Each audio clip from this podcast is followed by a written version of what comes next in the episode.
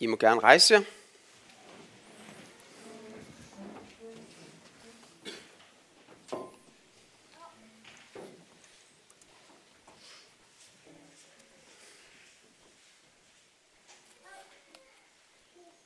Vi skal lytte til øh, evangelieteksten, som er fra Johannes evangeliet kapitel 15, vers 26, og så fortsætter den så ind i kapitel 16 til vers 4. Der står sådan her. Når talsmanden kommer, som jeg vil sende til jer fra faderen, sandhedens ånd, som udgår fra faderen, skal han vidne om mig. Men også I skal vidne, for I har været med mig fra begyndelsen.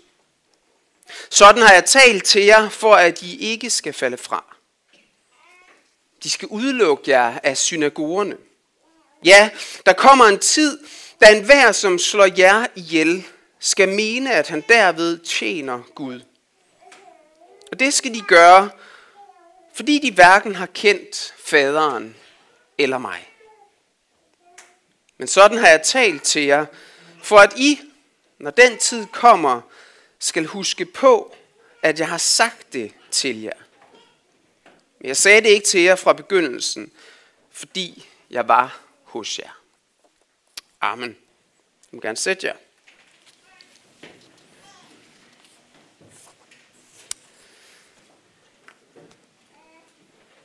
Den første tekst, vi læste fra Apostlenes Gerninger, der stod der sådan her i begyndelsen, så vendte de tilbage til Jerusalem fra Oliebjerget. Så vendte de tilbage. Og hvis man bare er lidt nysgerrig, så kunne man godt få tanken sådan, hvad er konteksten? Hvad er det, de kom fra? Hvad er det, de vendte tilbage fra, da de gik tilbage til Jerusalem fra Oliebjerget? Se, i torsdags, der var det Kristi Himmelfartsdag. Og vi havde ikke gudstjeneste i kirken ved Tangesø. Jeg håber, at I alligevel på en eller anden måde havde mulighed for at få fejret det. Jeg ved ikke, hvordan det gik hos jer. Hos os, hvis jeg skal være helt ærlig, så gik det ikke så godt, som vi havde planlagt, og sådan er det nogle gange. Men måske gik det bedre hos nogle af jer, at I fik markeret Kristi Himmelfartsdag, enten ved at tage til gudstjeneste et andet sted, eller ved at holde en særlig andagt derhjemme. Det er godt, når det kan lykkes. Det lykkes ikke så godt hos os i torsdags. Men lad nu det ligge. Men vi havde Kristi Himmelfartsdag i torsdags. Og det er i virkeligheden det, som de vender tilbage fra. Og der er al mulig grund til at fejre Kristi Himmelfartsdag, selvom vi ikke lige gjorde det sådan med en gudstjeneste her i kirken ved Tangesø.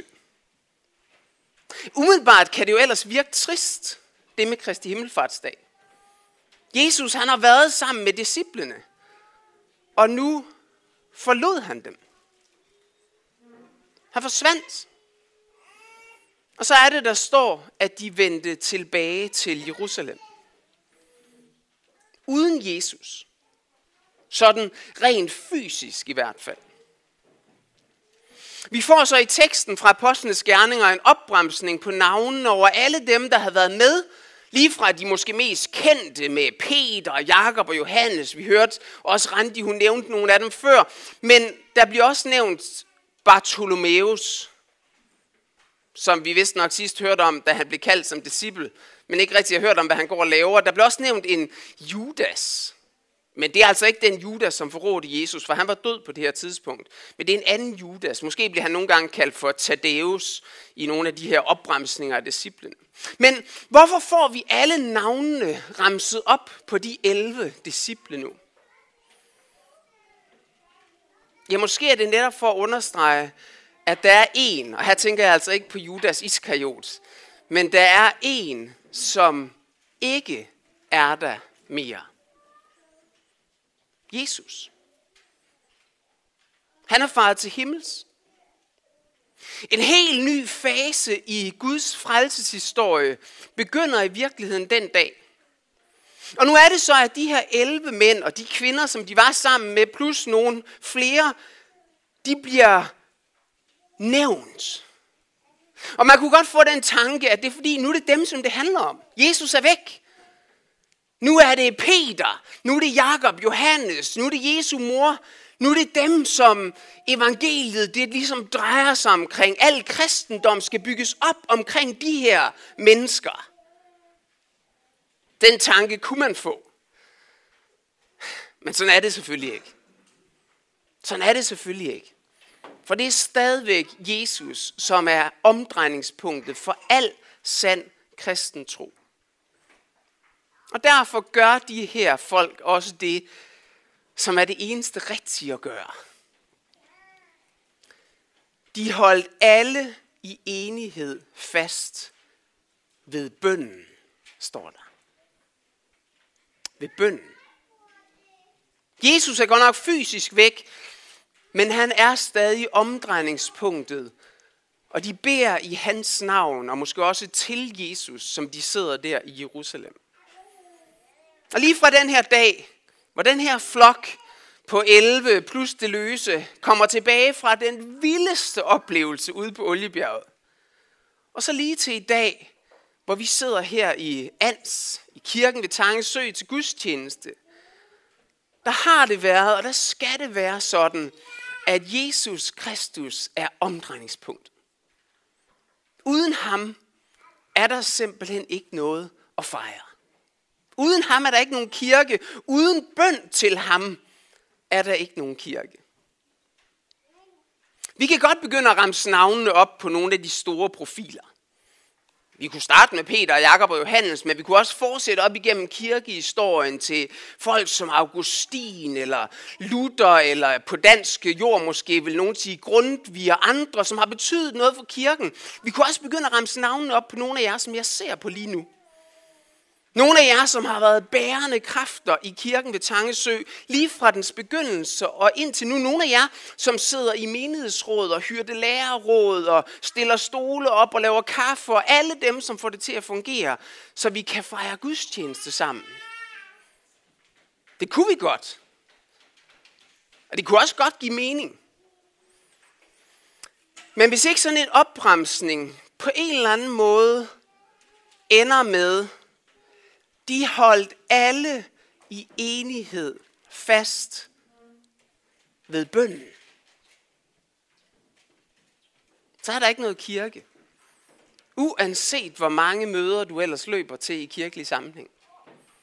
Hvis ikke Jesus får lov til at være omdrejningspunkt, så hjælper det ingenting at sætte stole op, eller lave kaffe, eller gå til menighedsrådsmøde. Ingenting. Men her sidder de så i salen i Jerusalem. Og der står, da de var kommet ind i byen, gik de op i salen ovenpå, hvor de plejede at opholde sig. Måske den sal, hvor Jesus havde indstiftet nadveren, som vi skal fejre senere. Vi ved det faktisk ikke sikkert. Men hvem er de i teksten? Jo, der er, som jeg nævnte før, de 11 disciple, som bliver nævnt. Så er der nogle kvinder, som har været i Jesu følge. Og så lagde jeg også mærke til, da jeg læste teksten, at Jesu mor og Jesu brødre, de er her. Og helt ærligt, hvor er det godt at læse, at Jesu mor og Jesu brødre, de er med den her dag. Det bliver jeg faktisk glad for. Undervejs, når vi læser igennem evangelierne, så tror jeg måske, de er nogle af dem, som har været mest udfordret. Vi hører på et tidspunkt om, at de kommer og vil hente Jesus hjem til Nazareth. Og de mener det egentlig godt. Men i virkeligheden, så er de jo ved at forhindre Jesus i at gøre den gerning, han skulle gøre her på jorden. Og hvor er de egentlig henne, Jesu mor og Jesu brødre, da Jesus kommer til Nazareth? Er de på en eller anden måde med i den forarvelse, som Jesus møder, og som gør, at han er nødt til at drage videre?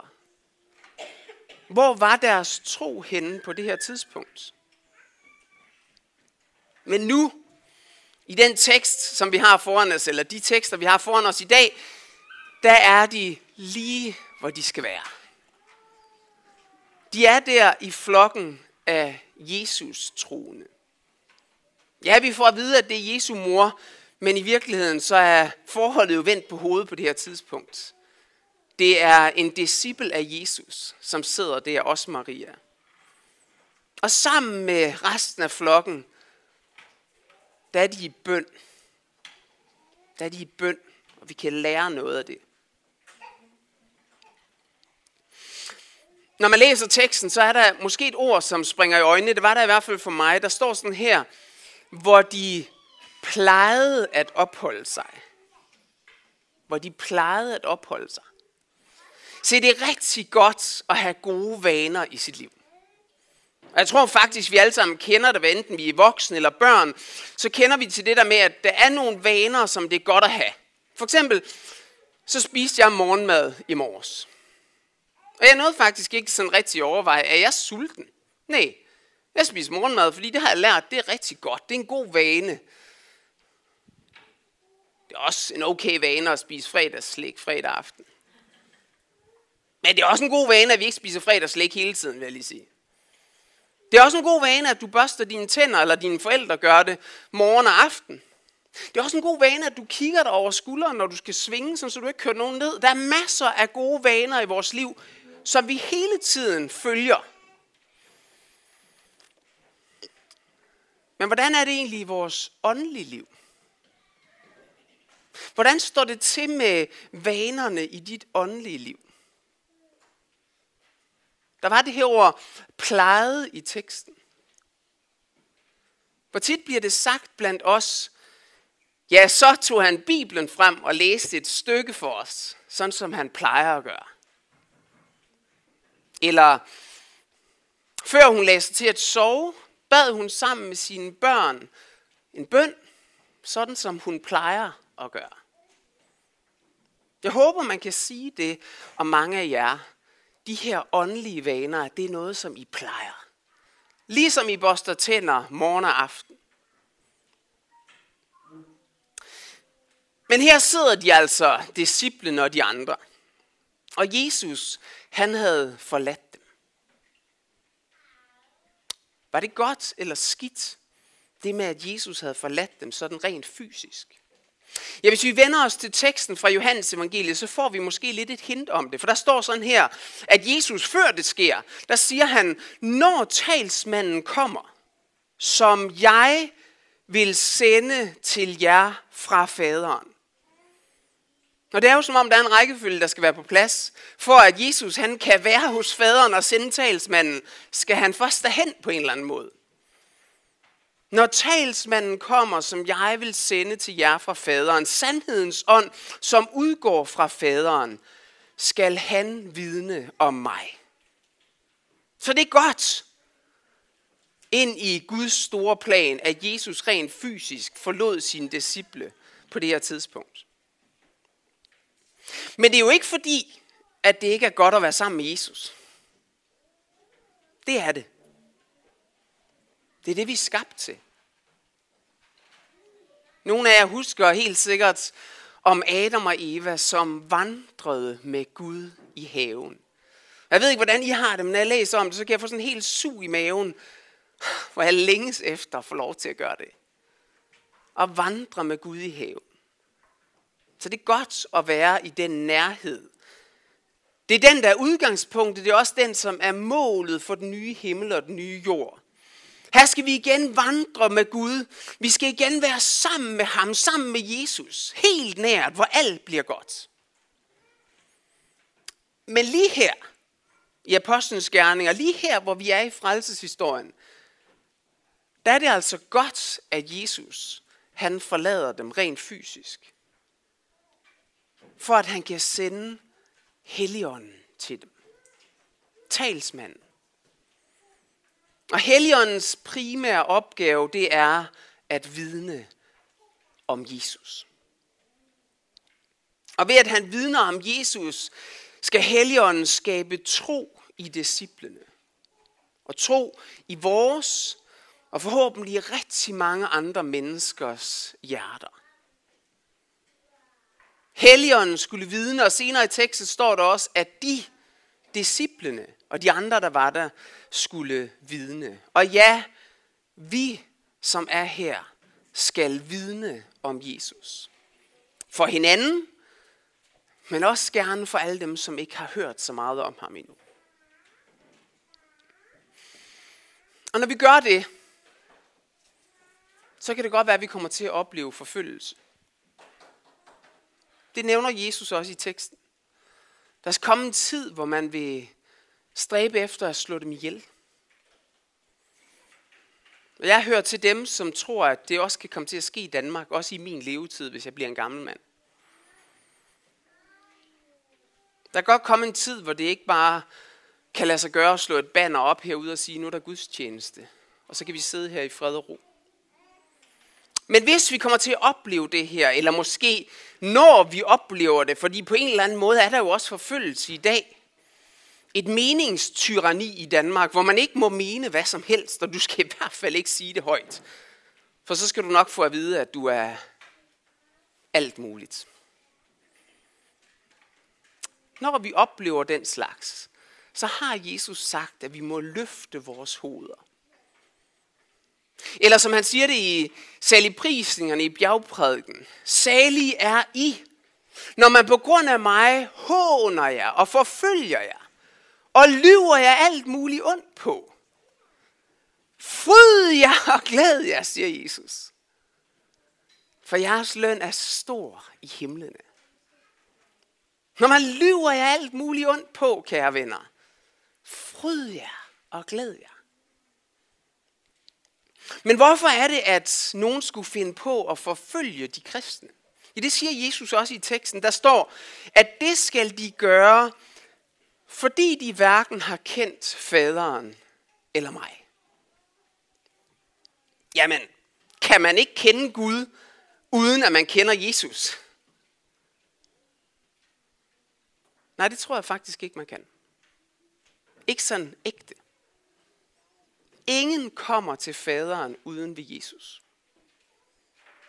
Heller ikke jøderne i øvrigt, som Jesus står og taler til. Og det er jo vildt provokerende at stå og sige til en jøde, at han ikke kender Gud den almægtige. Fordi han ikke kender Jesus fra Nazareth. Men det var det, Jesus stod og sagde. Et spørgsmål, der melder sig for mig i hvert fald, det er, tør jeg, tør vi sige de her vildt provokerende ting, når vi vidner? Tør vi sige det til de religiøse ledere i vores land? Tør vi sige det til folk, vi møder i det hele taget? Tør vi tale sandt? Tør vi tale imod løgnen i samfundet? Jeg tror, vi må bede Helligånden om at hjælpe os og give os mod til det. Men først og fremmest, når vi vidner, først og fremmest skal vi vidne om Jesus. Om alt det, som han har gjort, da han døde på korset. Om hans sejrrige opstandelse. Om grunden til, at vi fejrer påske helt til i dag. Fordi det er så vigtigt. Det er det, vi først og fremmest skal gå ud og fortælle mennesker om. Men også I skal vidne, siger Jesus, for I har været med fra begyndelsen. Jeg ved ikke helt, hvordan det skal forstås, om det er sådan, at disciplen, de har været med fra Jesus, han træder frem og kalder dem som discipler. Og på den måde har vi jo ikke været med fra begyndelsen. Vi var der ikke. Men vi har været med fra begyndelsen på den måde, at vi kender det. Vi kender beretningerne om Jesus. Vi har også været med fra begyndelsen. Forstået på den måde, at det ved jeg i hvert fald med mange af jer, der sidder her, I kender også beretningerne om den store begyndelse, om skabelsen, om Guds kærlighed til sin skabning. Der er en, der har sagt det sådan her, at måske er den eneste bibel, som din ikke-kristne ven eller relation kommer til at læse, dig. Der er mange mennesker, der ikke åbner deres bibel og læser i den. Men så må du så at sige gøre det for dem. Både ved at læse i den, men også ved at være et vidne. Så de kan se Guds kærlighed igennem dig. Om en uge, der er det pinse. Og der skal vi høre mere om Helligånden og om hans opgave. For vi sidder her, og vi ved godt, at Helligånden kom. Vi mærker måske, at Helligånden virker i os. Disciplene, de vidste det ikke på samme måde. De håbede det. De troede det vel også, fordi Jesus havde sagt det, men helt ærligt, så kan vi også i evangelierne se, at det ikke er alt, at disciplen de forstår, hvad Jesus siger. Men jeg tror, de sad der og håbede det og troede det. Men jeg tror i virkeligheden også, det stod meget uklart for dem. Og måske sidder du også her i dag og håber og tror. Måske sidder du og håber, at Gud han vil gøre store ting i dit liv. Og at han vil gøre store ting i det område, som vi bor i. At vi vil komme til at opleve mennesker i hundredvis eller tusindvis, som kommer til tro på Jesus. I vores område. Måske tror du også, at det vil ske. Men du ved ikke, hvornår. Du ved ikke, hvordan. Og du har det lidt som disciplene, der sidder der. Og hvad gjorde de så? Jo, de gjorde som de plejede. De mødtes. I salen, hvor de plejede. Det var ikke Ans missionshus. Det kunne det have været, hvis det havde foregået her i stedet for. Og så bad de sammen om vækkelse. Om at Gud måtte udruste dem til at vidne for hinanden og for alle de mennesker, som endnu ikke kender Jesus. Og det må vi også bede om. Så lad os gøre det. Og Helligånd, jeg beder dig om, at du må tale til os om Jesus. Jeg beder dig om, at du må tale til os på en måde, så vi også får lyst og mod til at gå ud og fortælle andre om dig. Om dig, Jesus, som er den, som verden kan frelses ved. Helligånd, jeg beder dig om, at du må udruste os til den opgave. Jeg beder dig om, at du må gøre det på din måde, og at vi må have frimodighed, når du sender os. Jeg beder dig om, at du må give os tålmodighed, hvis du siger vent. Jeg beder dig om, at du må give os udholdenhed, hvis du opfordrer os til at bede mere.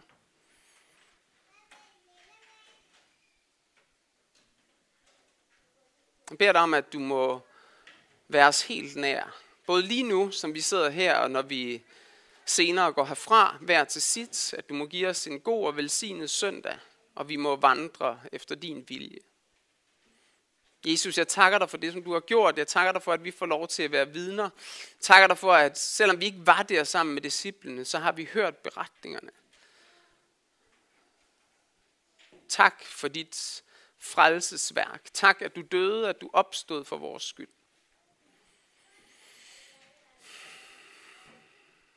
Tak, at vi en dag må få lov til igen at være sammen med dig helt nær. Måske i virkeligheden langt mere nær, end disciplene oplevede, da du vandrede her på jorden. Jeg beder dig om, at du snart må komme igen og skabe en ny himmel og en ny jord, hvor alt bliver godt. Amen. Du må gerne rejse jer.